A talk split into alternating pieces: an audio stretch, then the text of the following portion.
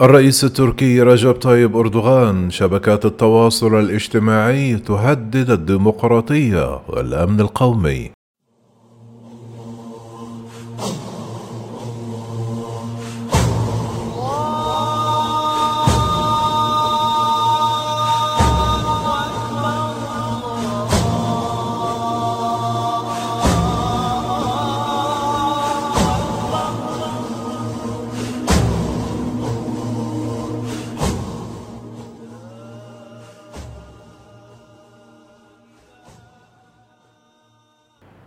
من جديد عاود الرئيس التركي رجب طيب أردوغان هجوما لاذعا على مواقع التواصل الاجتماعي ووسائل إعلام غير حكومية في بلاده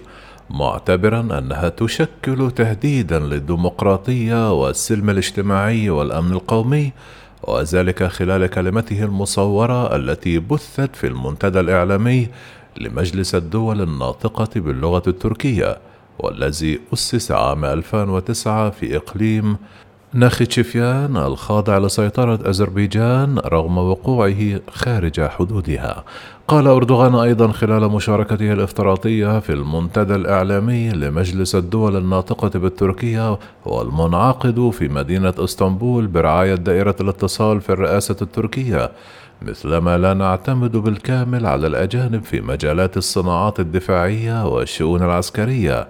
لا يمكننا تكليف الآخرين بمسائل الاتصالات مضيفا في تحد واضح للمنظمات الدولية التي تنتقد واقع وسائل الإعلام والحريات في تركيا أنه لا يمكننا أيضا الوثوق بضمير هؤلاء الذين يعطوننا باستمرار دروسا في مجال حقوق الإنسان والديمقراطية والحريات ولا بأخلاقهم المهنية. وقالت ألقو شاهين وهي محامية تركية تعمل لدى اتحاد الصحفيين الأتراك الذي يعرف باختصار ب TGS ويمثل أقدم نقابة صحفية تنشط في تركيا منذ عام 1952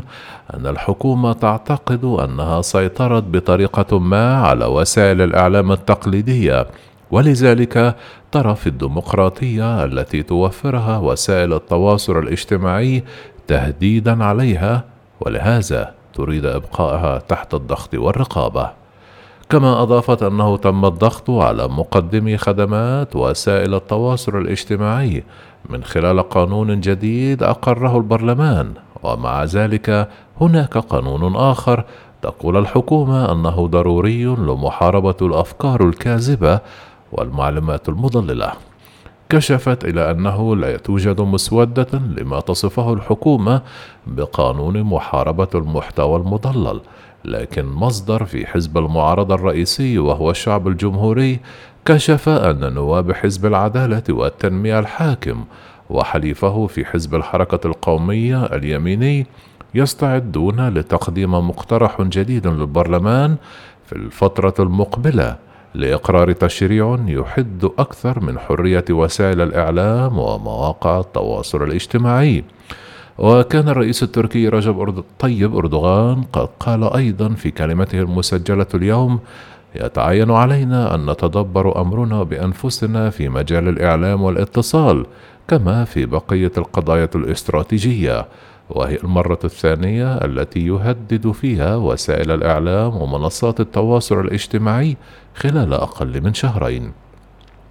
كما أضاف أردوغان أنه يتعين على العالم التركي في إشارة منه إلى الدول الناطقة بالتركية والتي انضمت إلى المجلس الذي تدعمه أنقرة وهي كازاخستان وأذربيجان وقراكوزيا وأوزباكستان وغيرها إلى تبادل الخبرات في قطاع التواصل وبحث سبل الاستفادة بأفضل طريقة فعالة من الإمكانات الذاتية المتاحة.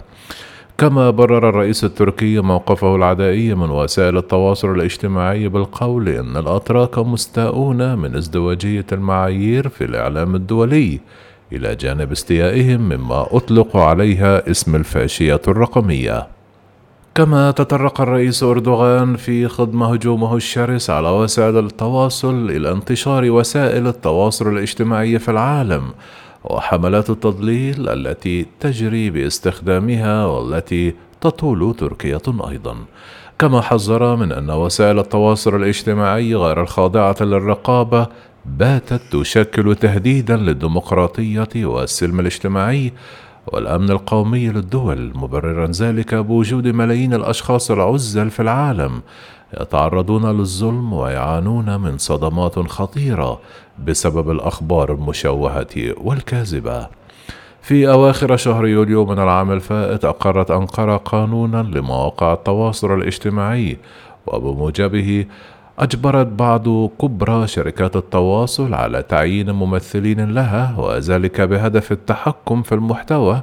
الذي تقدمه تلك المواقع والذي يتعلق بتركيا علاوة على فرض غرامات مالية على تلك الشركات في حال لم تستجب للقانون الذي أقره البرلمان التركي بعدما قدمه نواب الحزب الحاكم وحليفه في حزب الحركة القومية.